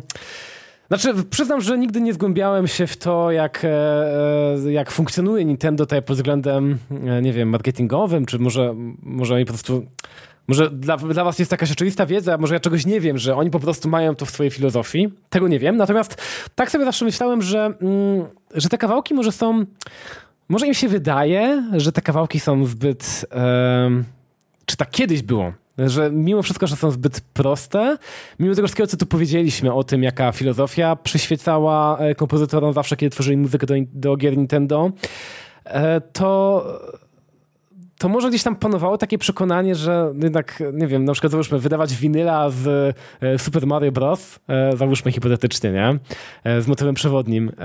Czy czy to się nadaje? Czy ta muzyka, być może oni myślą, że ta muzyka się nie nadaje właśnie na krążki, na album, bo to brzmi tak, wiecie, wznios, to jest takie wzniosłe, nie? Album to jest coś dużego.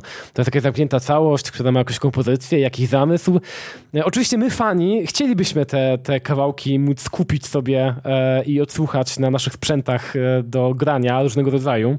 Czy to otwarcie CD, właśnie, czy to gramofony, czy, czy, czy cokolwiek innego. Mm.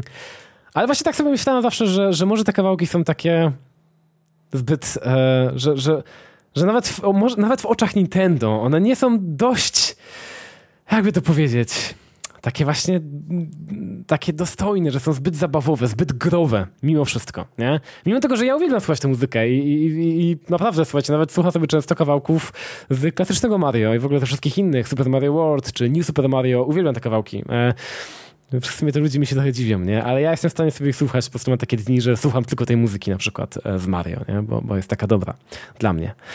E, może też to, że te utwory są krótkie często. Wiadomo, że to, wiecie, muzyka Nintendo to jest takie szerokie pojęcie, bo mamy tutaj takie e, właśnie klasyczne kawałki, które e, powstały w czasach 8-bitowych i zapętlały się po minucie, czy nawet po krócej.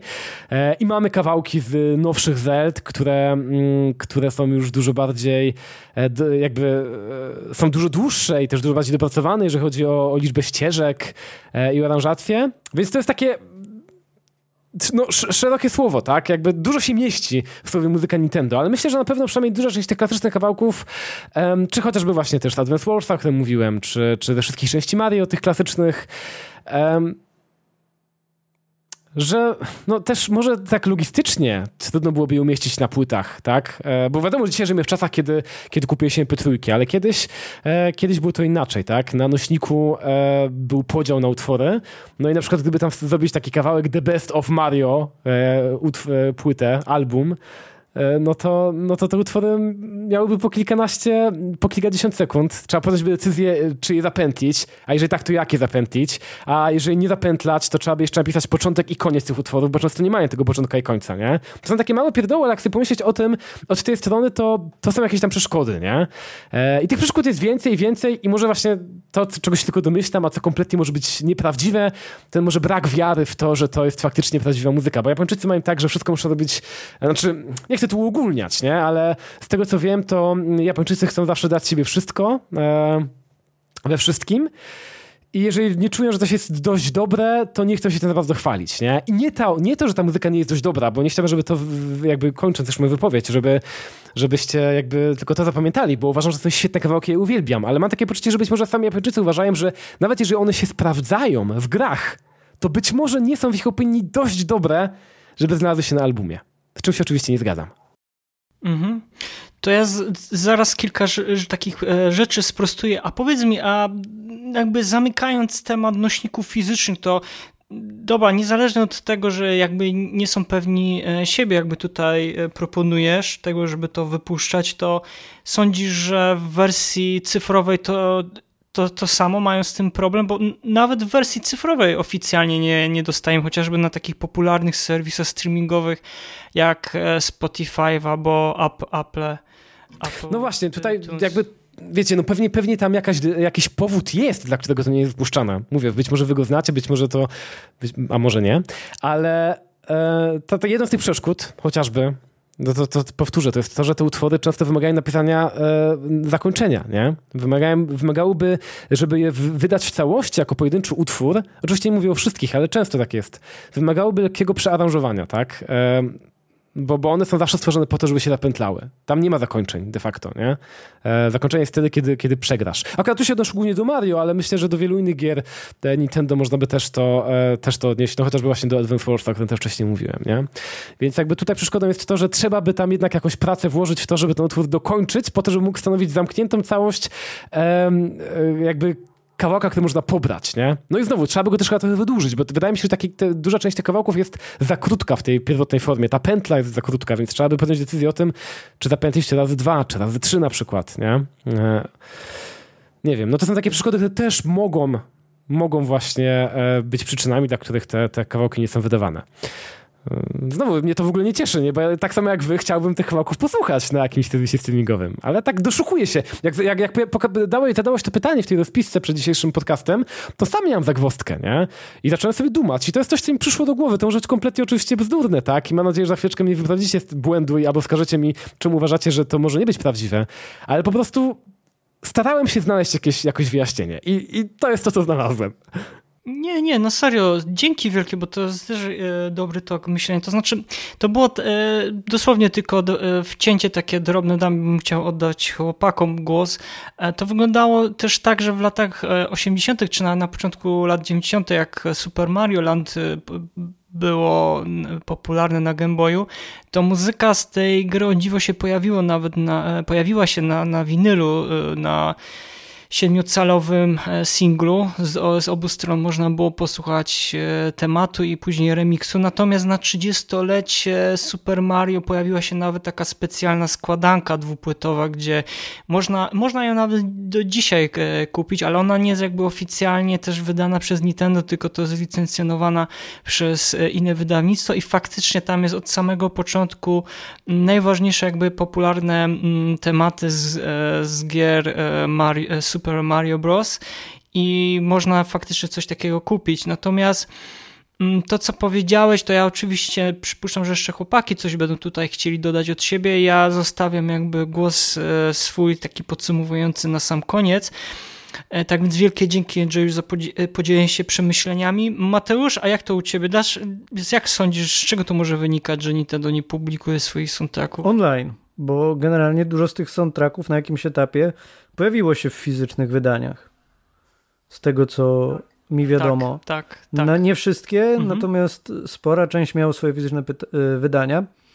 E, no i tak, no, z całą moją miłością do Nintendo, bo robią moje ulubione gry, ukochane gry, są zawsze moje e, pierwsze konsole, ale Nintendo jest łajzą. To jest wielka, ciężka korporacja, bardzo twardogłowa, kiedy umarł Iwata, to cały taki pozytyw, który od nich e, płynął, gdzieś odszedł w te korporacyjne Excelki. E, a to jeszcze nie były czasy tak rozpowszechnionego streamingu, bo jest to dosyć nowa, no, nowa rzecz. Tak realnie na taką no, skalę. Nintendo zapoczątkowało. Słucham? Można by powiedzieć. E, sorry ci wejdę słowo, Nintendo jakby nie patrzeć zapoczątkowało te takie streamingi Nintendo Direct, ja pamiętam jeszcze Iwatę jak e, jak na przykład Foxa, nie wiem czy pamiętacie jak za, tak, zapowiadali tak. na Nintendo Wii U. Tak. To było chyba z moich ulubionych, gdzie wszyscy się nagle zmieniali w, w tak, tak, postacie z Star Foxa to oni to zapoczątkowali, dopiero później za nimi przyszli, poszli kolejni, między innymi e, Sony. Nie, nie, ale mam na myśli o streamingi, tak więc... jeśli mhm. chodzi o muzykę, nie? Okay, o rozumiem. platformy mhm. do streamowania muzyki są taką, na taką powszechną, ogromną skalę, to jest to relatywnie nowe, można powiedzieć, prawda? E, I Nintendo od zawsze było twardą korporacją i Łata trochę tam to e, ocieplał ten wizerunek. Jak Iwata odszedł, to oni znowu się zamknęli i zrobili się tacy bardzo korporacyjni i bardzo niefajni. E, wbrew temu miłemu, e, kid-friendly wizerunkowi, który robią. E, myślę, że to jest ich największy problem i że stąd się bierze też to, że te soundtracki nie pojawiają się na e, serwisach, e, najpopularniejszych serwisach do streamowania muzyki, bo Nintendo na swoich IP trzyma żelazno łapę. E, co widać chociażby po tym, że w przeciwieństwie do Segi, która kiedy widzi e, zajaranych fanów, którzy robią fajne rzeczy, oni potrafią ich zatrudnić, a Nintendo e, rzuca w nich pozwami. jeżeli fani robią coś w sieci fajnego, typu, nie wiem, fanowska gra z jakąś postacią, nie? Albo trochę za bardzo wykorzystują ich IP, oczywiście nie zarabiając nawet na tym, co jest w ogóle już absurdem, że e, potrafią się doczepić o rzeczy, które, na których się nie zarabia. E, Nintendo też od zawsze nakłada e, blokady na monetyzowanie e, filmów na YouTubie, e, losowych YouTuberów. E, Oczywiście nie tyczy się to do wszystkich, bo nie wszystkich można e, wyśledzić. Z niektórymi się przyjaźnią, ale generalnie są z tego też dosyć mocno znani. E, myślę, że po prostu nie, prędzej oni zrobią swoją platformę streamingową, żeby całe pieniądze szły do nich, e, niż wypuszczą te soundtracki, jeżeli mają do nich prawa na, na jakąś powszechną platformę streamingową. E, I myślę, że tu leży problem. Tu leży problem, problem leży w tym, że to jest e, bardzo, bardzo twardogłowa korporacja, Skosniałe. niestety. Mhm. E, patrząc mhm. na to tak realnie, pomimo całej miłości do ich produktów, to jest to twardogłowa korporacja, która która no właśnie nie, w żadnym wypadku chce, nie chce wypuścić swoich IP, chce mieć nad nimi absolutnie całkowitą kontrolę. Mhm. Dzięki, dzięki Mateusz. Pa Pawle? Znaczy to zagadnienie, nad tym zagadnieniem to się pochylaliśmy od ilu? Kilku ładnych lat, Mariusz. I co no. roku chyba padało pytanie, dlaczego Nintendo nie wydaje soundtrack z tego, z tamtego i tak dalej, i tak dalej. To prawda, co, co mówił, mówił Mateusz wcześniej, że Nintendo wydało wcześniej albumy do na przykład The Legend of Zelda Twilight Princess, do Majora's Mask i tak dalej, i tak dalej. E, no teraz to mm, trochę, trochę, nawet bardzo przystopowało. W przeciwieństwie do takiej Segi, mm, Atlusa, czy nawet Bandai Namco e, no, nie poszli w streaming, nie, nie, nie wydają swoich, swoich soundtracków. Myślę, że ja się, ja, ja się tu przychylę do tego, co, co tak naprawdę Mateusz powiedział, że Nintendo jest taką e, firmą skostniałą, twardogłową, która patrzy, no niestety po śmierci Satoru Iwaty patrzy przede wszystkim na Excelki, wykresy i tabelki, e, co zresztą można zobaczyć e, po ostatnich ruchach Nintendo, tak? Pamiętacie e, że niektóre, jedna, jedna taka dosyć kluczowa funkcja w wydanym niedawno remake'u e, The Legend of Zelda Skyward Sword za, zadziała, ale dopiero jeśli kupi się odpowiednie amiibo, tak? No to to już pokazuje, że, że, że, że tu coś, coś, coś jest nie tak. A druga sprawa jest taka, że Nintendo bardzo, ale to bardzo pilnuje swoich IP, swoich zabaweczek.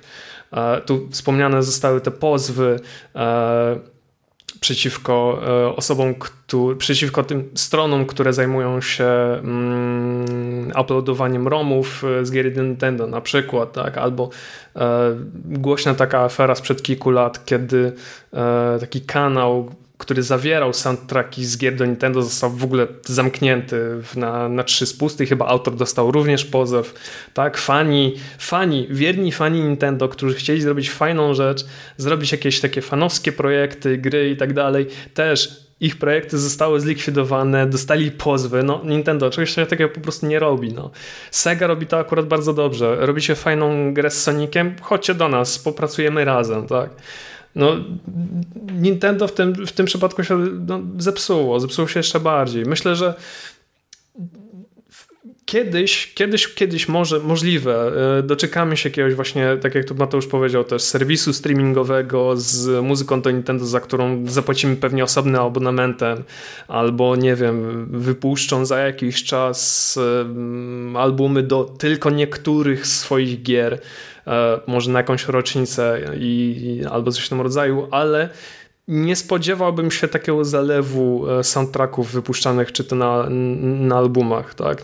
Nie spotkałbym się z, z grami z Kirbym w roli głównej na przykład. Może na jakieś tam 35, 40, 50-lecie, jasne, ale takim, takim zalewem, tak jak to robi na przykład właśnie Sega, czy wspomniany przeze mnie, czy Atlus, E, tego bym się akurat nie spodziewał. Nintendo stało się z takim no taką typową korporacją, gdzie przede wszystkim patrzy się na, na, na zyski i to, co jest dla tej firmy najlepsze, a nie to, co jest najlepsze dla, dla graczy.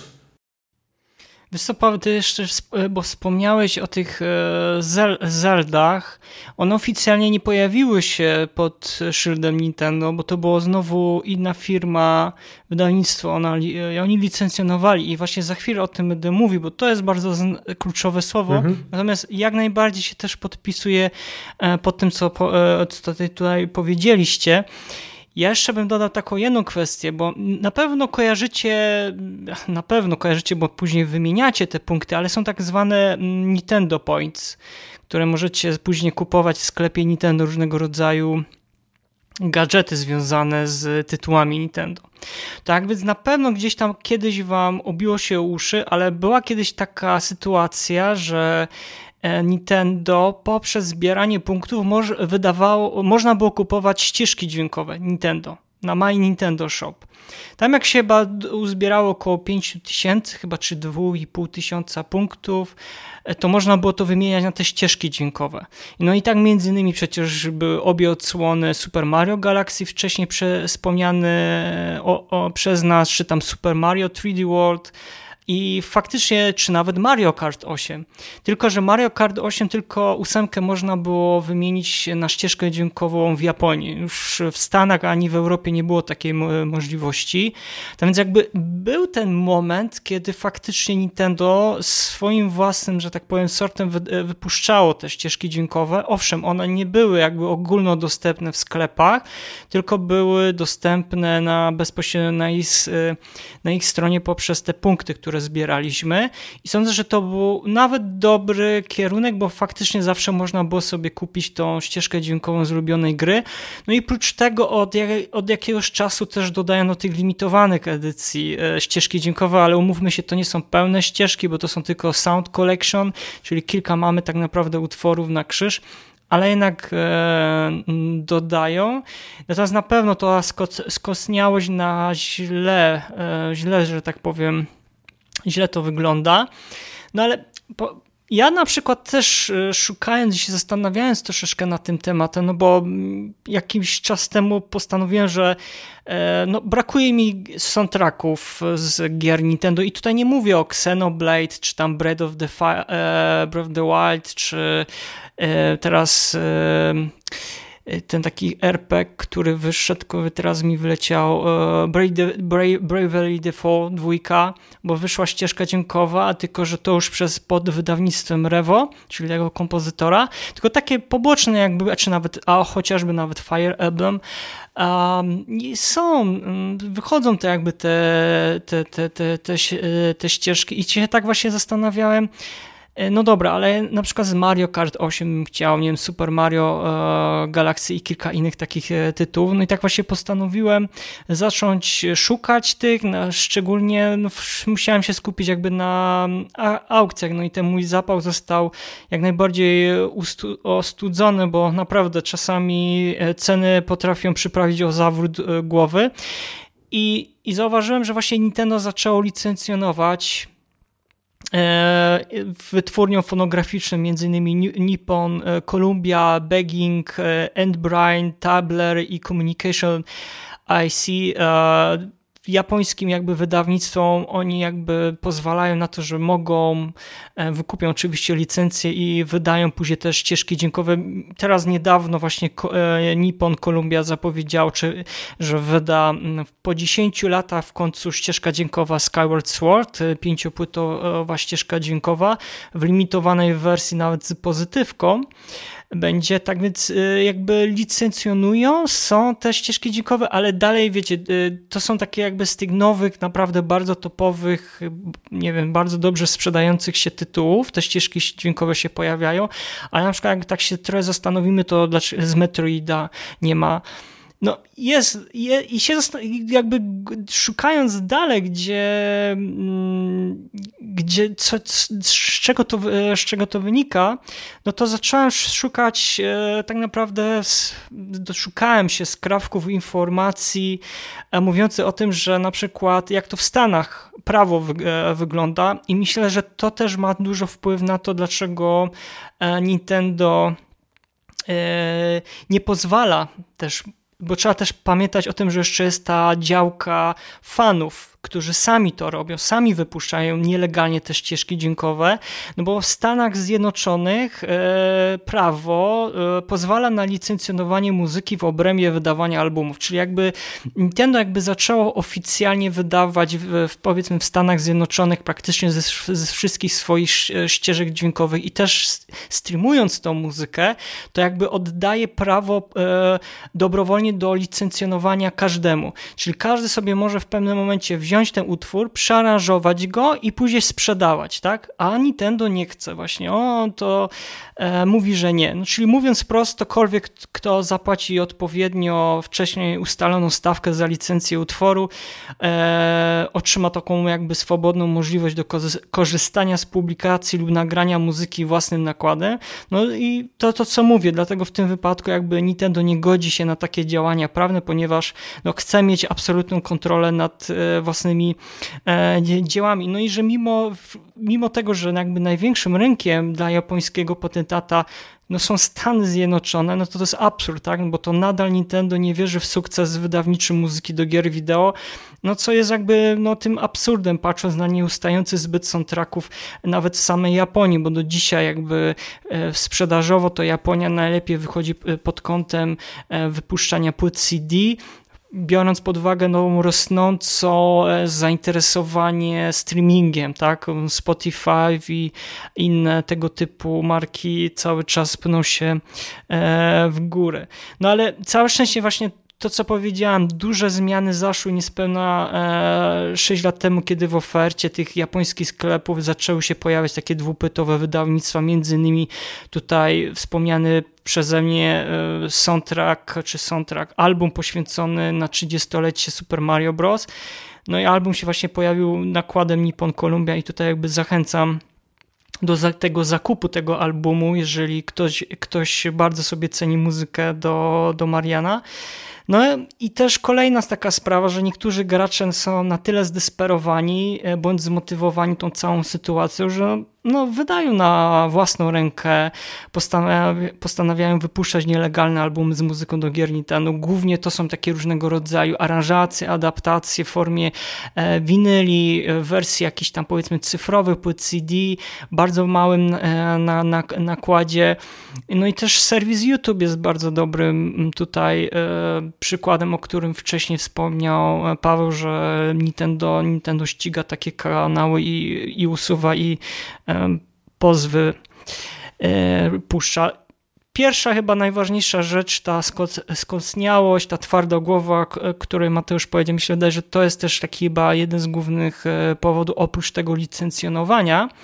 To jest jeden z takich głównych powodów, dlaczego Nintendo nie wypuszcza tych swoich e, soundtracków a szczególnie z tych starszych tytułów, bo ja bym naprawdę bym chciał y, zobaczyć ze starszego Met e, Metroida albo ze Super Mario Land, dwójki na pewno Jędrzej by chciał też mieć w kolekcji, choćby nawet na, na płycie winylowej, a czy pa e, Paweł na przykład i Mateusz z, Duckte z chociaż to już jest kapką, tak więc Szkoda, że naprawdę nie, nie pamięta się i nie kultywuje się tych, e, tej muzyki z tych starszych e, tytułów, tylko te gry, które zdobyły największy sukces komercyjny, mogą jedynie się doczekać e, ścieżki, ścieżki dźwiękowej. Nie wiem, czy chcielibyście ewentualnie coś w tym temacie dopo dopowiedzieć, chłopaki?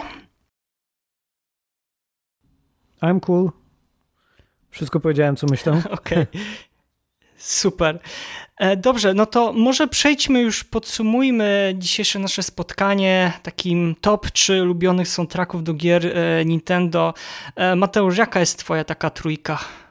Święta Trójca. Ja wiem, że to jest bardzo trudne, bo na, najlepiej byłoby mieć taką dziesiątkę, tak, ale Setka. Trój, twoja trójca? Co, nawet, nawet na, mm, w naszym ostatnim podcaście na jednym z miejsc, już nie pamiętam teraz którym, e, wśród moich ulubionych gier e, japońskich ogólnie znalazło się The Legend of Zelda Breath of the Wild. Po prostu uwielbiam ten soundtrack za, za jego tę taką eksperymentalność tak naprawdę, za to jak dobrze działa z grą i jak bardzo jest nieoczywisty pod tym względem.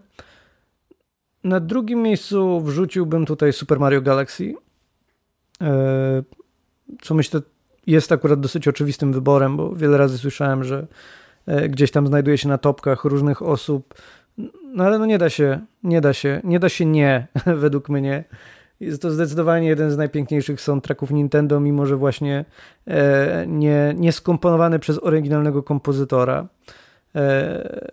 Nie wiem, czy to jest ta świeżość, która mnie uderza, tego, że jest to rzeczywiście pierwszy soundtrack symfoniczny, czy ta zmiana stylu, e, którą, która jest ewidentnie słyszalna. E, tak, tak bardzo mnie tutaj pociąga, no ale zdecydowanie jest to ścieżka, która zostaje w głowie i nawet teraz jak zacząłem o tym mówić, to słyszę ten główny temat Super Mario Galaxy. E, natomiast jeśli chodzi o trzecią grę, jeśli chodzi o mój ulubiony soundtrack, to tutaj bardzo mm, to nie jest nowa gra. Powiedziałbym, że jest to Donkey Kong Country 2. Mm, David, David Wise. Mm, David. Wise, tak. E, mm. Dużo jest tam, zwłaszcza e, w... gdzieś dotykają mnie te takie, zwłaszcza Wise'a, ambientowe bardziej utwory. I, i, I mam ogromny sentyment do tego soundtracku. I tak jak sobie siedziałem i myślałem, co mógłbym na miejsce trzecie wrzucić, to co prawda e, są tam ścieżki w grach stricte Nintendo, które lubię, to tak gdzieś tam myślałem o Xenoblade Chronicles, gdzieś tam myślałem o, o kilku różnych Fire Emblemach, ale ostatecznie e, ostatecznie sobie tak uświadomiłem, że chyba czymś, co jest dla mnie takim ponadczasowym i co rzeczywiście mogę sobie odpalić tak od e, bez problemu właściwie w każdym momencie, żeby słuchać, to będzie właśnie soundtrack Davida Wise'a z y, Country dwójki. Zacna trójka, zacna. Jędrzeju, a u ciebie? jaka jest twoja, twoja święta trójca, jeżeli chodzi o soundtracki do gier Nintendo? No to się wycwanie, bo tak, na pierwszym miejscu dam e, soundtrack z Super Mario Maker 2 z dwóch powodów. Po pierwsze dlatego, że zawiera w sobie e, soundtracki z większości e, moich ulubionych części Mario, więc jest tam wszystko w jednym, takie the best of. A po drugie, powtórzę jeszcze raz, że naprawdę lubię wszystkie te mm, aranżacje właśnie stworzone na potrzeby Mario Maker, czyli te wersje edit, czyli wtedy, kiedy możemy sobie tworzyć e, mapę. Ja akurat bardzo dużo e, gram w tę grę, do dzisiaj tworzę tam e, mapki i uwielbiam to robić. I naprawdę w każdym motywie edit, mimo tego, że jest to niby ten sam kawałek, który dobrze już znamy z tych wszystkich gier, czyli oryginalny Mario Bros., Mario World, cała reszta tych, tych, tych klasycznych gier 2D i jeszcze do tego ten 3D World, który wyszło na, na Wii U to niby to jest ten motyw, który dobrze znamy, a jednak e, za każdym razem czuć, że kompozytorzy bawili się przerabianiem go w jakiś sposób. I na przykład tak e, kawałki z Super Mario Bros. 2 są wszystkie utrzymane w takim klimacie reggae, e, te, te wersje edit. Mimo tego, że w ogóle tego nie słychać i kompletnie jakby nie wynika to z ich e, oryginalnego brzmienia. E, I tak każdy, każdy jakby, każda część ma swój pewien motyw przewodni, Sporo tam jest fajnych niespodzianek. Fajnie jest też, że warstwy się nachodzą. To jest bardzo fajny soundtrack właśnie pod tym względem, że um, zawsze, kiedy przychodzimy do tego typu edycji, to czasami są wszystkie warstwy, czasem tylko jedna warstwa, te warstwy potem narastają. E, nawet fani bawią się miksowaniem tych warstw w internecie. Mm, jest sporo takich bardzo fajnych miksów. Można z tych samych niby kawałków wycisnąć zupełnie inne rzeczy właśnie poprzez włączanie, włączanie tych kolejnych warstw. No coś świetnego, więc e, Super Mario Maker 2 u mnie na pierwszym miejscu, bo najczęściej wracam właśnie do tych kawałków. Mm, na drugim miejscu będzie, no tutaj bez zaskoczenia, tutaj e, no, też Super Mario Galaxy. Uważam, że jest to mm, no, no był to jakiś punkt zwrotny, tak, w, w tych e, soundtrackach e, Nintendo. Nawet wtedy jeszcze nie grałem w tę grę, bo nie miałem e, Wii U, może nie miałem Wii, natomiast e, jakby pograłem temu znajomego troszeczkę, który, który miał konsolę, ale potem słuchałem sobie tego gdzieś w internecie, tych kawałków jakby zawsze, mimo tego, że po wielu, wielu latach miałem okazję tego przejść e, w całości, już tak u siebie na spokojnie, to, to kawałki znałem dużo, dużo wcześniej i istniały ze mną od wielu, wielu lat, więc mm, na pewno Super Mario Galaxy, 2, e, Galaxy na drugim miejscu. A na trzecim, e, no też dzisiaj o tym mówiłem, czyli Advance Wars, bo to naprawdę są świetne kawałki, naprawdę fantastyczne. Cieszę się teraz, że że wrócą, że wrócą przearanżowane, e, jakby z nowym instrumentarium, jakby dopasowane do naszych czasów i cieszę się, że ludzie będą mieli okazję pograć w tę grę, odkryć ją, bo przez wiele lat była zapomniana na rzecz e, Fire Emblem, bo tym się zajęło e, studio właśnie, które, które wcześniej tworzyło też, znaczy zaczęło w ogóle, a to już inny temat, zaczęło od Fire Emblem, potem zrobili Advance Warsa, potem już skończyli z Advance Warsami, tylko Fire Emblem, więc dzisiaj mało kto pamięta o tej serii, mało kto zna te kawałki, więc cieszę się bardzo, że niedługo znowu będą miały okazję zabłysnąć. Mam nadzieję, że się przyjmie zarówno gra, jak i, jak i te, te utwory, które się nie zawierają. No i to jest mój top 3. Mm, cudownie. Pawle? Ja się zaśmiałem po tym, jak e, Mateusz powiedział tą swoją trójkę, bo moja lista jest dosłownie podobna, z jednym może tylko zastrzeżeniem, ale zacznę od początku. Nie, to Donkey, nie ten Donkey pierwszym...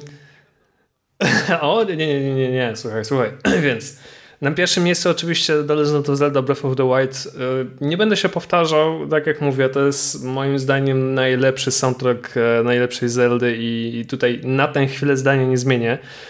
Zobaczymy, co oczywiście przyniesie kolejna część. Na drugim miejscu oczywiście Super Mario Galaxy, czyli to, co zostało już przez panów powiedziane, czyli to Nintendo pokazało, że można wykorzystać e, orkiestrę, wie jak to zrobić i te utwory po prostu już w, w, wierciły się w naszą głowę. Natomiast jeśli chodzi o miejsce trzecie, to podobnie jak no to już miałem takie. Mm, zastanawiałem się nad innymi tytułami, które nie zostały stworzone przez Nintendo. To jest, to akurat też przyznaję i też gdzieś z tyłu głowy pojawił się, pojawił się Xenoblade. Ale postanowiłem dać egzekwo dwa tytuły, już powiem dlaczego. Eee, z jednej strony będę miał oczywiście Donkey Kong Country 2, czyli tu, tu, akurat, tu akurat się nie zmieniło, ale z drugiej strony dałbym Super Metroid.